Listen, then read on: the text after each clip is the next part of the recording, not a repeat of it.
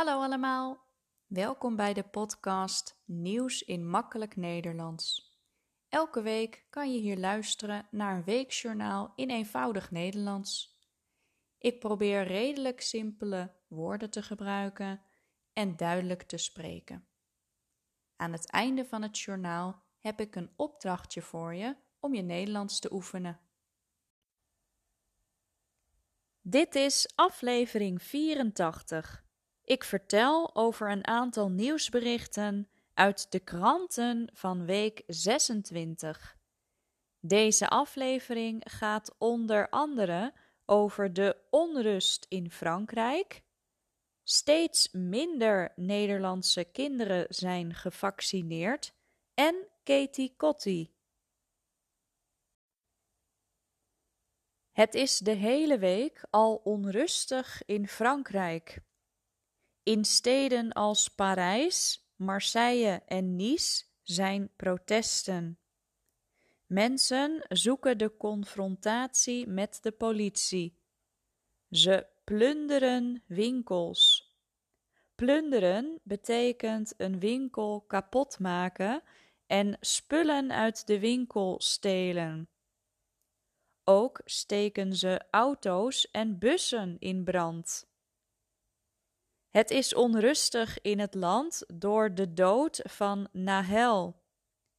Deze 17-jarige jongen werd doodgeschoten door een agent.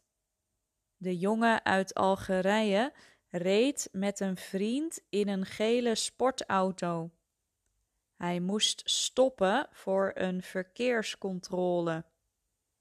Hij reed weg en toen schoot de agent.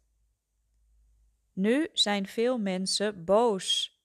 Ze gaan de straat op en protesteren, ook s'avonds en in de nacht. De politie heeft mensen gearresteerd. De materiële schade wordt geschat op minimaal 1 miljard euro. Steeds minder Nederlandse kinderen zijn gevaccineerd.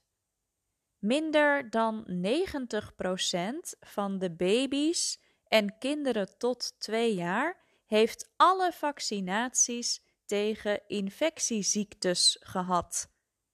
Dat zegt het RIVM. Het RIVM is het Rijksinstituut voor Volksgezondheid en Milieu. Het RIVM maakt zich zorgen. Een hoge vaccinatiegraad is belangrijk. Het helpt om mensen te beschermen en uitbraken van ziektes te voorkomen. Eigenlijk moet de vaccinatiegraad dan minimaal 95% zijn. Anders kunnen ziektes zoals de mazelen terugkomen. Nu ligt de vaccinatiegraad dus onder de 90%. Waarom zijn steeds minder kinderen gevaccineerd? Er is onderzoek gedaan. Jonge ouders denken negatiever over vaccinaties. Misschien komt dat door de coronapandemie of omdat ze negatief zijn over de overheid. Ook het kabinet is bezorgd. Ze zeggen dat het een vrije keuze is. Iedereen mag zelf kiezen of hij of zij een vaccinatie wil halen. Maar het kabinet is wel bang dat er uitbraken van infectieziektes komen bijvoorbeeld in de Bible Belt. Dat is een gebied in Nederland waar veel mensen religieus zijn. Sommigen willen geen vaccinatie om religieuze redenen. Het geluid in cafés, clubs en concertzalen hoeft niet omlaag. Het advies van de Gezondheidsraad was om het geluidsniveau van muziek te verlagen van 103 naar 100 decibel.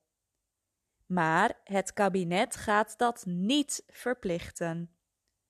Want dan krijgen de eigenaren van de clubs problemen. En het is moeilijk te controleren. Ook omdat mensen juichen en applaudisseren. De medische wereld is niet blij. Artsen zeggen dat een verschil van 3 decibel klein lijkt, maar dat niet is. Het is een verdubbeling van het volume.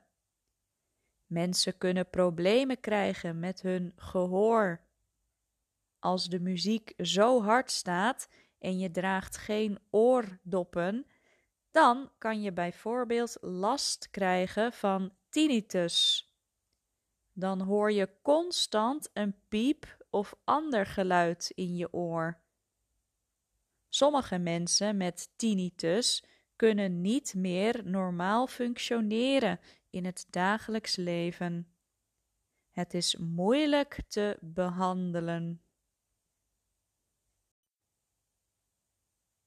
Zaterdag 1 juli was het Katie. We denken dan aan het einde van de slavernij. Het is 150 jaar geleden dat de slavernij stopte in gebieden waar Nederlanders de baas speelden.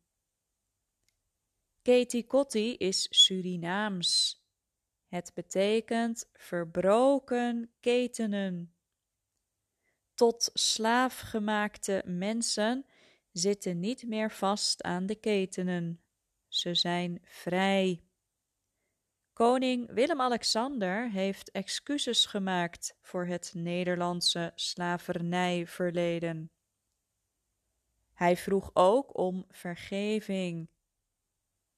Na zijn excuses was er applaus.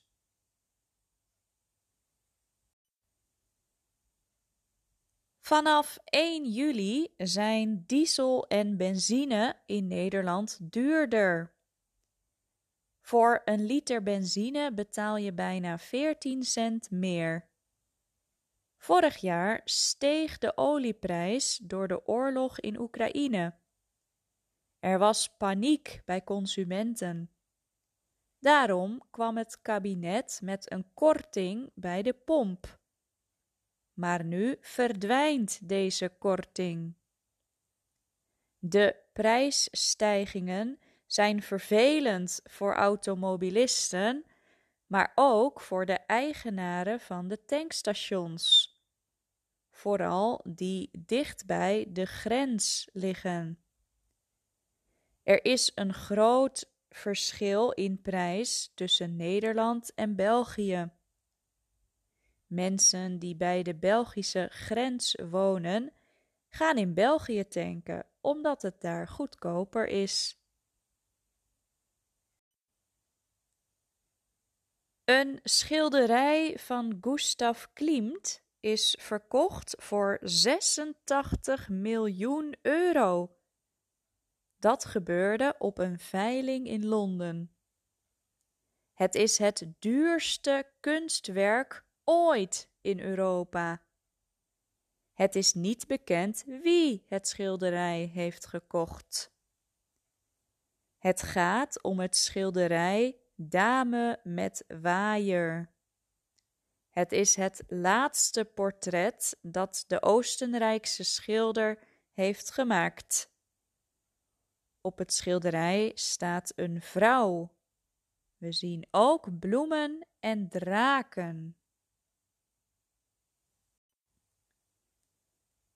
En dan nu het opdrachtje van deze week om je Nederlands te oefenen. Ik vertelde dat het kabinet clubs, cafés enzovoort niet gaat verplichten om de muziek zachter te zetten.